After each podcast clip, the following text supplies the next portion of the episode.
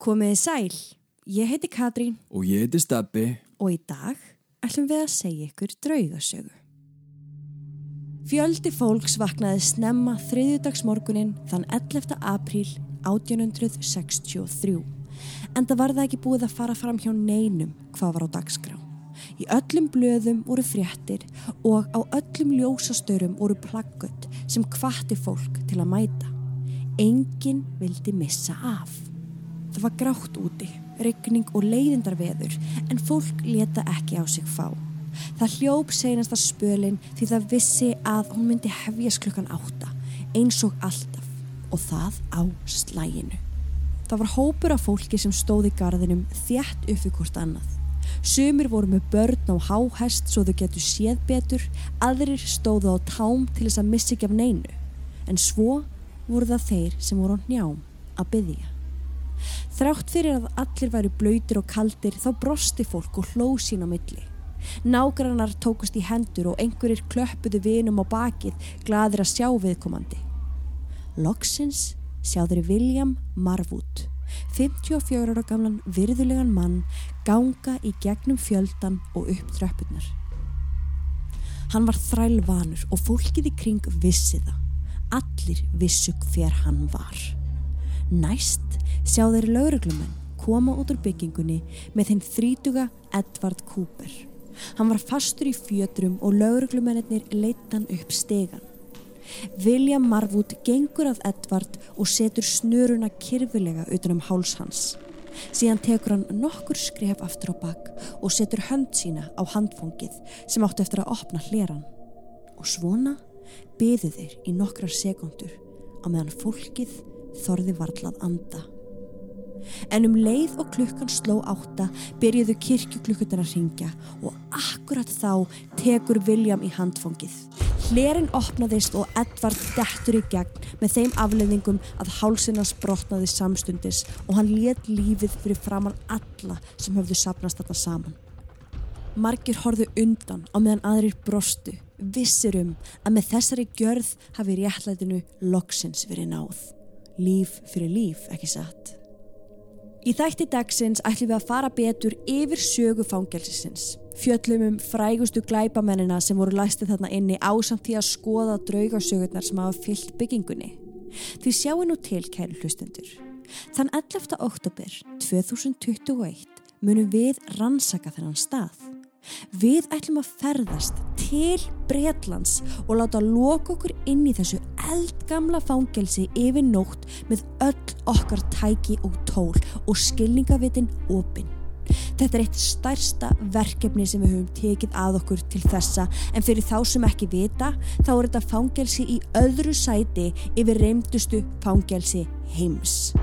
Svo það er ekki eftir neina býða. Veri velkomin í Shrewsbury fangelsið.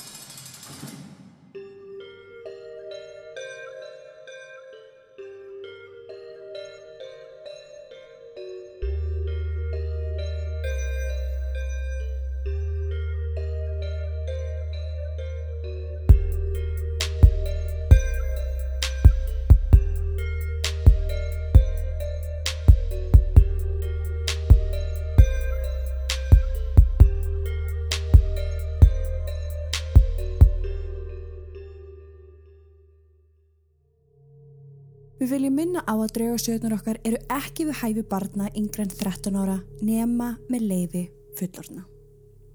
Og með því hefjum við sögu dagsins.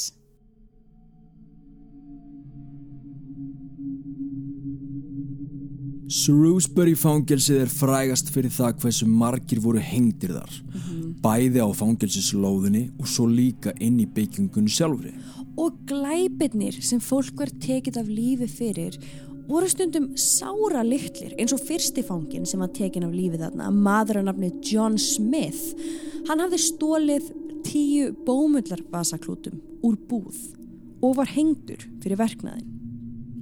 Á þessari jörð hefur verið fangelsi frá árunni 1793, uppaflega kallað The Dana. Já, einmitt, og það er sem sagt fyrsta fangelsi sem er þarna á þessari jörð, The Dana. Það voru 179 klefar fyrir karlkinsfanga og 25 fyrir konur. Á þeim tíma var öllum fangelsum í Englandi stjórnað af staðbundnum domstólum sem kallaðir voru fjórðungsfundir. En árið 1877 var eftirlit sendt til miðstjórnar af innanríkisráðunetinu. Hvað þýðir það? Sko í kjölfarið á þessu öllu saman var fangelsið nútímavætt og endurbyggt. Þannig árið 1877 er byggt annað fangelsi ofan á það gamla The Dana. Akkurat, og þetta er sama árirunni og þetta eftirlit var sendt. Já, Þannig að þetta eftirlit er sendt, bara heyrðu ok, við þurfum að gera eitthvað við hérna, þurfum að laga þetta. það þarf að nútíma þetta og, og það sem er gert er að það er bara byggt ofan á gamla fangelsi. En þú Alveg veist, rétt. hvernig? Sko, það var að einhverju leiti rifið Já. og einhverja stóðir stóðu ennþá. Þú veist, þannig að leifarnar af georgíska arkitúrtnum sem að voru þarna fyrst eru sjáanlegar á milli nýja Viktoríu byggingastilnum. Þannig að svo að við skiljum, þá er alveg bara einhverja leifar eftir og grunnurinn sem að var sannsagt undir, Já, hann er einhvern veginn svona eins og neðanjarðagöng undir því fangelsi sem stendur hann í dag. þannig að ef maður stendur þetta í dag, þá getur maður labbað, er það ekki, niður í kjallara einni, og þá ertu komin í rústirnar Já, sem þetta var byggt ofan á. en þetta er í rauninni einmitt í dag bara rústir. Já, já. Þú þarfst að fara að inn bara með sérstökum búnaði og, og þú sérð ekki neitt. Nei, sko. þetta er ekkit verið að, einmitt, þetta er ekki, fólk er ekki að koma þarna í, í einhverju þannig, þetta eru bara rústir og ég meina þú þarfst að fara þarna með öryggis En það var sem sagt í rauninni maðurinn sem að kýlir þetta allt saman í gegn Já, er maður sem hétt John Howard og hann var baráttu maður fyrir úrbótum fanga og bara betrunar vistar. Hann tók vandlega út fangelsið og margar tillögur hans urðu að veruleika við smíði nýja fangelsisins. já, svo þarna árið 1877. Já. Hann var það mikil smetin að enn í dag er stitta af John Howard við ingang fangelsisins og hinn áhrifamikla steinhurð er líka eitt helsta upprunlega einkinni byggingarinnar sem enn er í dag. Var þessi hurð, Upprunaleg. já, Já. er hún alveg upprunalega Já. bara frá alveg gamla fangelsinu? Nei, ég held að frá 1877. Já, ok. En hún er, svona, hún er mjög gamaldags. Endilega, við hvetjum ykkur til þess að fara á draugasögur.com og skoða myndirnar sem fylgja þætti dagsins. Það eru eflaust margir nýjar að hlusta. Mhm. draugasögur.com fariði, kíkið á myndirnar. Bara svo að þið sjáu líka bara hvað við erum að lýsa. Já, Og ég var einmitt líka búin að útbúa bara smá kort alveg rétt. bara sko svona loftmynd af húsinu. Já, Og það er alveg merkilegt bara að sjá, veist, hvert við erum að fara líka. Já, þetta er, þetta er mjög vel gert hjá þér, sko. Þakka þér. þetta er virkilega gott að hafa þetta af því þetta er svo stórt. Já, þetta er svo stort og mikið og maður er að tala um þú veist þennan væng og þennan væng og þessi hæð og þessi Mhm. hæð og veist það er svo gott að hafa þetta bara fyrir framann sig algjörlega. en í dag erum við að tala um rúmlega 220 ára gamalt fangelsi sem er meira en 8000 fermetrar að stærð það eru mjög takmarkaðar upplýsingar til um sögubyggingarinnar og sögufangelsisins almennt og það kom mér eiginlega óvart Já, þegar við byrjum að rannsaka þetta hversu lítið uh, er þarna úti. En það eru nokkrar staðreindir sem við vitum. Árið 2010 var gerð úttekt á fangelsinu og í þessari úttekt komið fram ýmsar upplýsingar sem verður að skoða betur. Þar er talað um að í fangelsinu væru tveir vangir eða álmur og samanstæði af 182 klefum. Í þessum klefum átti að vera hægt að hýsa 300 fanga. En þessi fjöldi hefur alveg rokkað svo lítið vegna framkvæmda í fangelsinu já, eða skorts á viðegandi og fullnægjandi loftræstingu inn í klefunum og salernistaðstöðu. Þannig að það sé raun og bara ekki, bara bóðlegt. nei. Úttektar aðilar ljúka þessu með því að segja að klefarnir séu orðnir það illa farnir að þeir megi ekki hýsa fleiri en einn fanga. Já. Og ég vil alveg taka fram að þó að sé minnst á bjövæng þá er það í rauninni bara svona skrifstofu, blokkir og almennt rými. Það er svo satt þrýr aðalvængir, Já. A, B og C en A-vængur og C-vængur það er það sem fangaklefatir eru Akkurat. Við vitum líka að allt frá upphafi hefur fangelsi verið þekkt fyrir að hýsa mun fleiri en almenn geta þessir ætlu til. Og undir lokin og sjáu til þá erum við að tala um 2013 Já, voru nótæfur ími fangelsisins 171 talsins á meðan fangarnir voru 450 rosaleg yfir fjölgun sko. Þið sjáuð hérna úttektina sem er tekin árið 2010 þar sem er sagt bara, heyrðu þú veist, þá nú bara að vera eitt fangi í hverju, hverju rými. Já, já, þrejum árum setna fleiri fangar en það voru árið 2010 og, færri klefar sem eru notaðir. Já, já.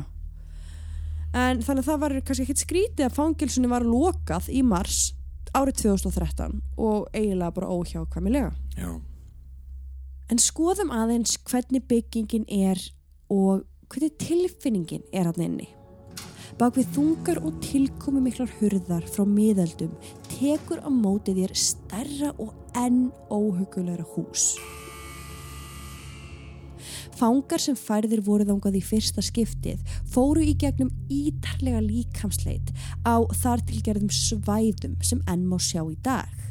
Eftir það var venjan að ákveðin hilsufarskoðun var framkvæmt á þeim áður en þeir voru svo færðir í byðstöðu klefa sem titlaðir voru First Night eða Fyrsta nóttin. Þó mun hljóðlátara sé þar í dag er vel hægt að ímynda sér þá raun sem fangarnir upplifðu við komuna í fangjálsið. Dempuð lætin úr fangaálmunu hliðin á hefði getað tætt í sundur taugar þeirra allra sterkustu, hlustandi á það sem koma skildi. Örlög þeirra voru innsikluð og fljótlega eini staðurinn sem þeir kæmu til með að búa á. Veggirnir væru þeir einu þarna inni sem þú gæti treyst því sama hvað gerist, sama hvað verður, þá eru hvorki veggirnir nýja rimlarnir á leiðinni neitt. Það veit sennilega enginn nema þeir sem þekkja hvaða hugsanir fóru í gegnum huga þeirra sem eittu fyrstu nótt sinni þarna inni og byðu eftir að vera færðir í almennt fangelsisrýmið daginn eftir. Heyrandi öskrin, köllin og ángistar ópin koma frá þeim hundruðu harð svipnu glæpamönnum læstir inn í búrum fyrir glæpi sína. Ætli þeir finni fyrir eftirsjá ætli þeir kvíði fyrir að sjá hvar þeir komi til með að eigða restina af lífi sínu? Eða ætli þeir finni ekki neitt? Og taki kannski fagnandi örlugu sínum sem réttakerfið dæmdi þeim.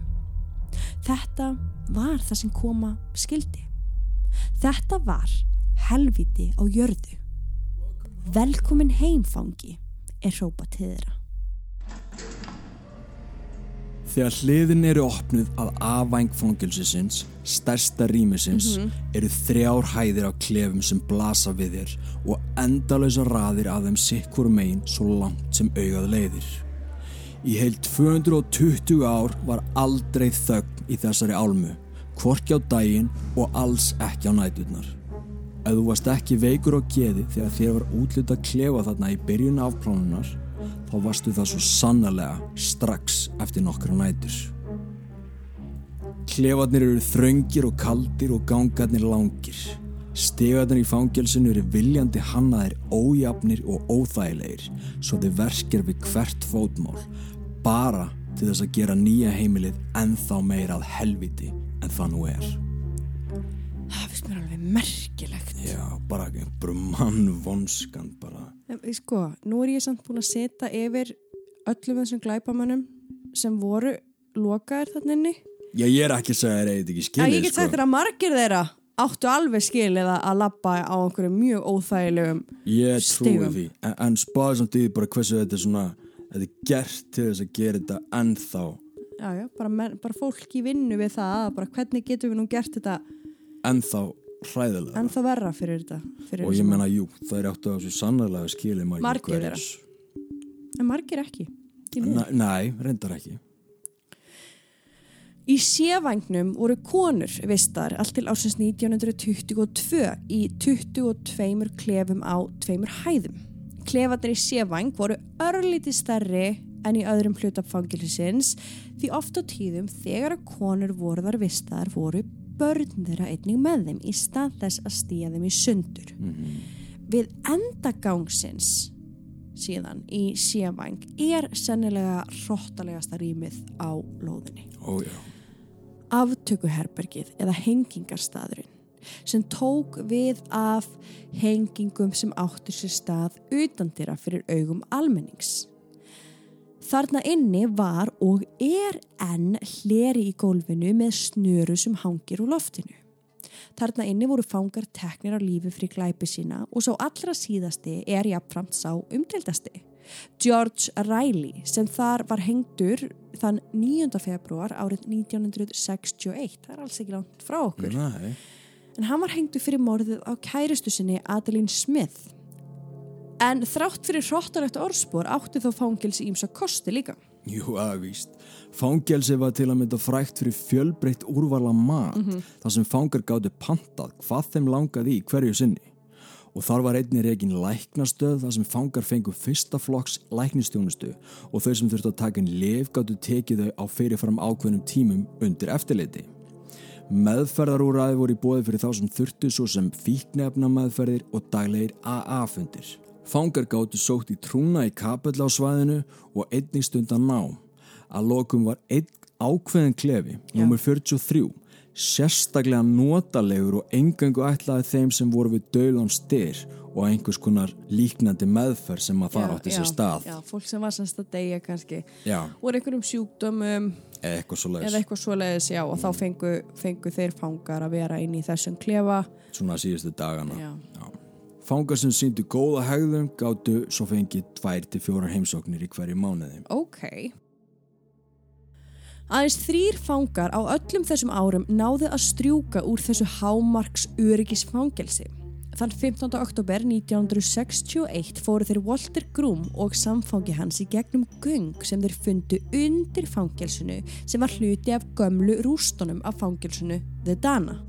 Komust þaðan út og í fangelsisgarðin og með kaðli náðu þeir að hýfa sig upp á fangelsisveggin. En á sama augnabliki heyrðu þeir í fangavörðunum öskra eftir endurtalningu og í kjölfarið bröðist út mikið læti frá föngunum sem bæði voru til þess að vara þá strókufanga við og til að fagna flótta þeirra líka. Já. Þeir hikuð ekki lengi og letur sér síga niður í frelsið hinum með við veggin.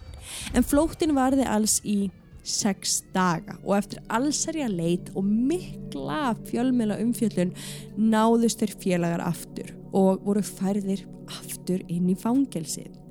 Þeir voru vistaðir í hundrað daga í einangrunarklefa og fengu aðeins svo kallaðan brauð og vasskúr í 28 daga fyrir þetta uppátæki. Já. En aðspurðir hvort þessi flótti hafi verið þess virði var svarið einfalt. Ójá, þetta var alveg þess virði. Já, spennan var við svo mikil og, og þetta adrenalín flip. En býtu, var síðan ekki, ég veit þetta er ekki handritun okkar, en var Já. síðan ekki einhver maður líka sem að hérna, hann næra Jú, strjúka? Jú, svo var það einmitt þriðji, sko. Hann var einmitt, hann streik út af fangilsinu og bara tókst vel til. Hann fekk samvinskupi. Hann fekk bara samvinskupið og hann bankaði upp á hérna hjá nágranna hann, bara hliðin á fangilsinu og sagði bara, herðu, nennur nokkað að ringja í þá hérna með hann því að Bankaði hann ekki bara, ég held að hann hefði bara bankað upp á, hjá fangelsinu, bara Nei, aftur. hann, hann þorði því ekki alveg, sko. Þá er því ekki. Nei, Hann en- en- bankaði upp á hjá nágrannum og sagði, herru, nennur að segja þeim að koma og sækja mig. Ég, þetta er ekkit er...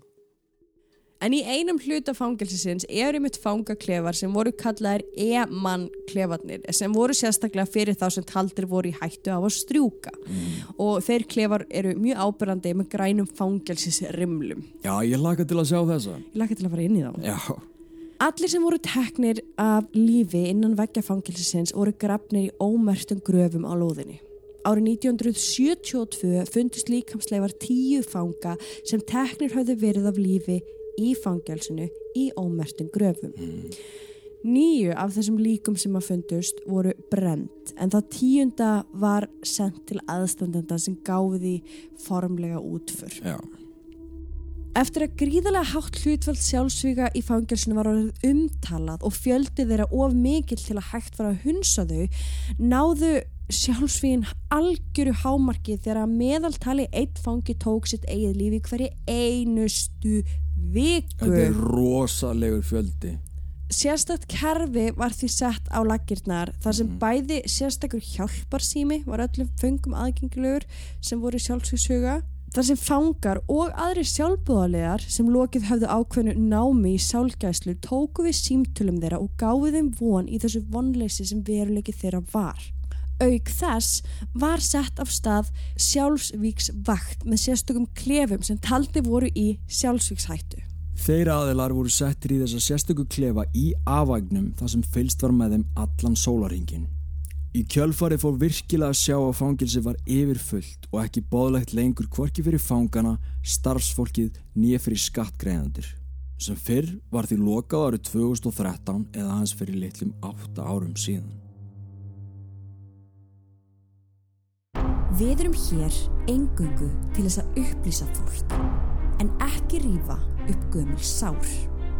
Við segjum söguna eins og hún er því hvort sem fólki er líka betur eða verð þá gerðist þetta hér á þessu litla landi okkar. Við vorum fyrst til að fara með ykkur á staðinn og leif ykkur að upplifa draugagangin með okkur í rauntíma. Nákvæmlega eins og hann er. Við erum með sönnunagögn sem engin annar á Íslandi hefur náð. Það er ástæða fyrir því að við erum fremst í flokki þegar að kemur að draugagangi á Íslandi.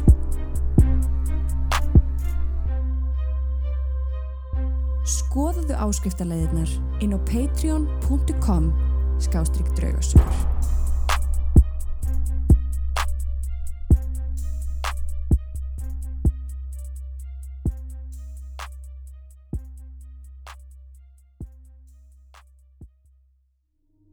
Og meðan fangelsi var enn starfandi var fangi sem við ætlum að kalla John Ok, hann kallar eftir aðstóð fangavarðar og hann var í talsverðu uppnámi.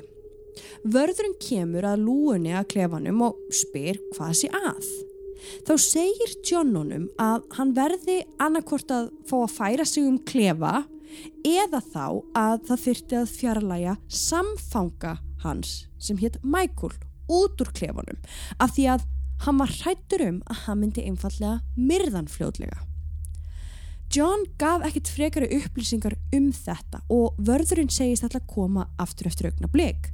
Þessi fullirðing Johns vakti skynanlega óhug fangavarðarins þar sem aldrei neitt vesen hafi verið á þessum tiltakna fanga áður. emmeit. Hann hefur samband við geðlækni sem vann í fangelsinu og óskar eftir ráðleggingum varandi tilfærslu og hvort eitthvað sé til í þessum fullirðingum Johns. Læknin sagði þá að fangin væri líklegur til þess að standa við orð sín. Hann væri ekki með neinn gerðan vandamál en hafi sínt á sér undarlegt hægðunaminstur síðustu dagana á undan. En betra væri þó að fjarlæga samfangan út úr klefanum sem sagt Michael, Michael. frekar heldur en John sem að hóta því að drepa. Mm Þegar að Michael var svo færður í annað rými segir hann að félagi sinn, John, hafi sagt sér að hann var í vampýra og síðustu nætur á undan hafa hann vaknað um miðjanótt með John standandi yfir sér þar sem hann starði á hann urrandi eins og hann væri úlfur og gjör ólíkur sjálfum sér að öllu leiti. Hann var fegin að hafa verið færður því ef hann hefði sopnað þessa tilteknu nótt hefði hann aldrei vaknað aftur. Hann vissi að það var eitthvað sem hafði komið fyrir þennan félaga sinn og að andarfangelsisins væru búnir að egna sér hann. Vinur hans John, hann var lungu horfin. Wow. Gæsa húð. Já, Þetta finnst mér líka svo ógulagt að því þú ert fastur inni með þessum einstakling. Þú kemst, kemst ekkert út. En það er eitthvað svona sem að snappar í hann og hann bara, herri, þú verður að fjalla hann áður en ég drepa hann. Ég er að segja þér að ég á eftir að drepa hann, en er bara plís að taka hann. Já, og því þeir greinlega voru vinir Já, já, já. og að þú sko standa yfir honum og urra. Já, þetta minnum hann á eitt tildikið Ed og Lorraine Warren mál Hvað var það? Werewolf þar sem að maður var ansettin og held að hann væri úlfur þannig að það er spurning hvort að segja eitthvað demónikat inni líka Öruglega, mm. alveg öruglega. Svo er það poltergeist. Já, Sko kúbeinum og spýtum hefur verið kastað úr ósýnilegum áttum og sterk merki eru um bara að virkilegar poltergeist ásóknunir séu í gangi inn í fangilsinu. já og hérna það sem eiginlega styrkir þá fullirðingu er að oft á tíðum þá byrtast óutskýrðir vasspollar hér og þar um bygginguna Það er vasspoltergeist. já, og við hefum rættið dáður um poltergeist og vatn. Og jáfnveg þótt að engin lekar séu í húsinu eða nokkur önnur útskýring sé þá veit engin hvers vegna þetta er að gerast. Nei, en talandi um vatn og poltergeist, uh, það var kona sem var í fangilsuna að kvöldi. Og hún nærði á myndband þegar hún heyrir allt í einu að styrta fyrir gang í afvæng og það hljómaði eins og það væri raunverulega einhver í styrtu, ekki bara við vitum alveg hvernig styrsta hljómar Já, og svo já. vitum við alveg hvernig hljómar þegar einhver fer inn í hana. Einmitt, einmitt. þetta er alveg munur. Já, og hún, hún heyrir það alveg bara skýrt. En hún þorir ekki inn í styrstuklefan en heldur áfram að taka myndbandið upp fyrir utan. Svo skyndilega var eins og skrúfað hefði verið fyrir vatnið. Og það má taka það er alveg alltaf að taka það fram að sko það hafði verið skrúfað fyrir vatnið í byggingunni þetta kvöld einmitt þannig að það var ekki vatn í byggingunni þetta kvöld. Nei, þetta átti ekki að geta gerst. En var þetta paranormal rannsakandi eða var þetta bara gestur? Ég veit ekki hvort hún hafi verið að rannsaka paranormal en hún var allavega ein eða með einhverjum einum öðrum. Já, og þetta var að kvöldi til. Já. Og hún heyrir einmitt þessi hljóð. Skrítið. mjög. Og svo er það stjórnendur sjónvastáttarins Most Haunted. Já. en þeir landu heldur betur í hremmingum þegar einn úr krúni fjall í gólfið af óséðu afli og virtist missa meðvitundum smá tíma Það er rosalegt. Já, Hva, en var það bara allt í henni bara dettur á gólfið? það veit eiginlega enginn hvað kom fyrir og ekki hann sjálfur en svo verður sem hann hafi verið feldur Mm. og svo missir hann meðvitund Ok, vá. og þessi sem fjall var eiginmaður stjórnanda þáttarins Já. í vett og hún saði með í kjölfara að þau hjónin voru alveg í talsverðan tíma að ná sér eftir þessa ferð þetta því. hafði svo mikil áhrif og í vett rifjaði upp atvik fyrir tökur á sjónvarstættinu þegar að hún var með litlum hópi eitt kvöldið þegar hún flautaði út í myrku ganga fangelsins Ok. þegar nokkru sekundin síðar var flautað á hana tilbaka Þannig að hún stendur er að flauta eitthvað, það er bara alveg dimt, hún bara flautar og það flautar tilbaka. mm -hmm. Óskast það myndi gerast fyrir mig. Já, ég menna við erum á leiðinu okay? og þeir fáir sem voru í húsinu voru allir með tölu með henni inn í einu fangaklíðan Já, þetta veist mér merkilegt. Já, og svo líka, maður gerir sér nú ofta skrein fyrir því hvort það sé bergmál eða hvort það sé einhver sem að kallar á móti, sko. Já, já, og ég menna það var engin annar þarna því allir sem voru með henni voru Já. akkurat þarna Sévængurinn er talin engar aktífur staður þegar það kemur á draugagangi. En við enda efri hæðar í þeirri álmu er hið svo kallaða eins og við sögðum á þann hengingarherbyggið eða aftökustadurinn. Mhm. Fáir fangaverðir sáu sér fært að starfa að næturlægi í þessum vængfangelsisins vegna þess að á hverri nóttu á milli klukkan þrjú og fjögur máttu sjá til gráklædrar konu ganga úr klefa tvö og í áttina að aftökustadunum. Þar sem tvær konur voru teknar á lífi í Shrewsbury halda margirði fram að mögulega sé um residual draugagang að ræða þarna og síðustu augnablik kvennfangans séu endurtekin á sama tíma alltaf við ákveðin skilirði. Já, Residual er bara svona endurtekning, bara í rauninni Endurtekin eitthvað sem bara, er bara gerast aftur og aftur. mhm. Í raunin ekki draugagangur Nei, heldur bara svona, já, upptaka og lúpa sem er spilið aftur og Já. aftur Margir séð til konu í klefa C203 og vilja margir starfsmenn fangilsins ekki í dag einu svona ganga fram hjá þeim klefa. Fólk hefur ítrekka verið hrindniður stegan sem leiðir af efri hæð sévængs svo mæltir með að fólk haldi virkilega fast í handriðið, sérstaklega á leiðsinni upp. En þegar komið er upp stegan er lítið herbergi með gluggum sem var eitt sinn fangavarastofa. Þar voru fangar líka teknir inn á tal og rúmar alls ekki meir en tvær manneskjur.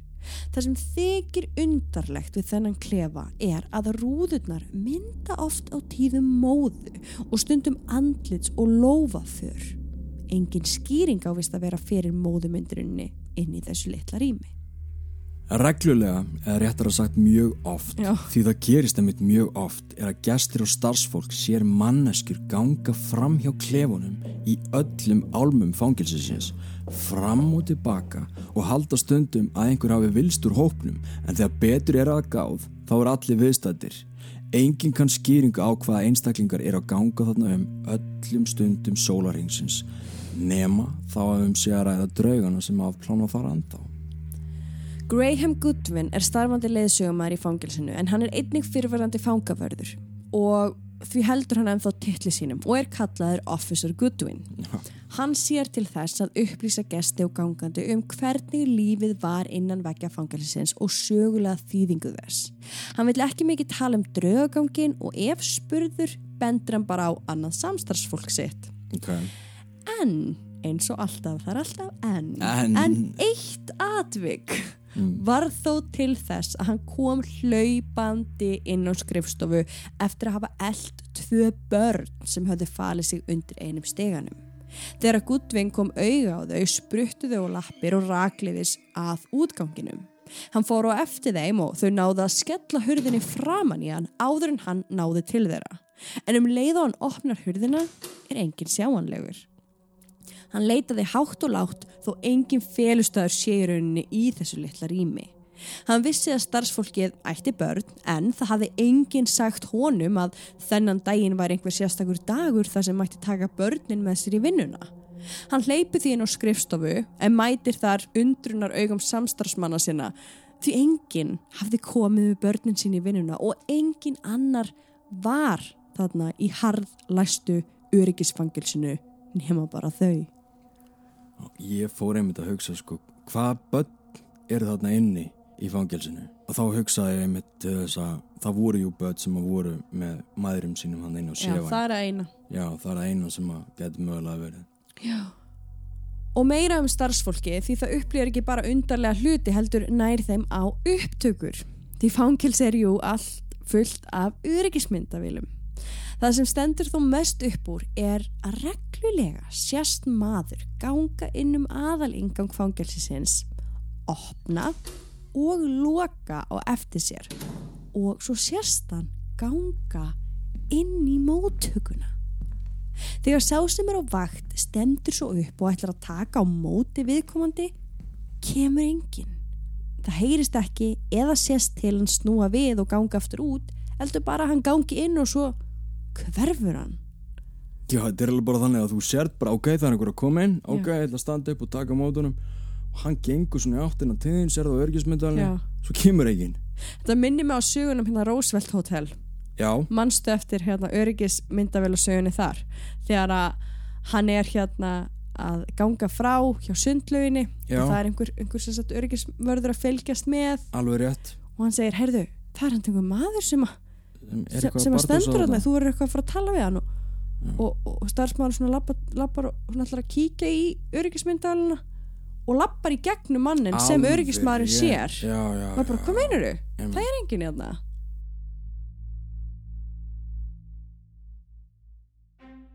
Sem fyrir sagði, þá munum við steppi láta læsa okkur inn í þessu 220 ára gamla fangelsi sem talið er vera það annað reyndasta í öllum heiminum. Við verðum vopnuð öllum okkar tækjabúnaði og munum áskrifendur okkar fá einstakt tækifæri sem fyrr að fylgjast með rannsókn okkar á þeim mynda draugagangi innan veggja þessa fangelsis. Auk þess sem við munum láta læsa okkur hérna inni komum við til með að ferðast um sögulegar slóðir í Bretlandi og gista á reymdum stöðum viðsvegur um landið. Trúið okkur þegar við segjum að þið viljið sko alls ekki missa af þessu. Þið sem nú þegar eruð áskrifundur þið viti vel hverju búast má við nema þetta er bara allt öðru kaliberi og herri standart en nokkru sinni áður. Ó, já. En í kjölfarið á útgáfu þessa þáttar sem við erum að gefa út núna á bara öllum hlaðvarsveitum þá Mhm. kemur út viðbótar þáttur um fangelsi og þið viljið ekki missa honum heldur þar fyrir við að fjalla um alla þessa harsýpnu glæpamenn sem köllu þetta fangelsi heimili sitt og við munum fara betur í það hvernig rannsóknum þannig verður háttað eftir aðeins nokkra daga Já, við förum bara like hann bráðum. mm Sá þáttur er aðgengilegur núna fyrir áskrifundur svo við hvetjum ykkur til þess að hlusta. Fyrir alla þá nýju þá er verðt að taka fram að engin binding er við skráningu í áskrifti á okkur og allt efni frá upphafi er aðgengilegt strax við skráningu. Svo þau getur hort á allar fyrir rannsóknir og sönnunagögg eins og ykkur sínist. Ef það er einhvern tíman sem maður ætti að fara í áskrift hjá draugasögum þó það sé ekki nefna bara í einn mánuð þá er sá tími klárlega akkurat núna. Sjáumst inn á patreon.com skjástrygg draugasögur.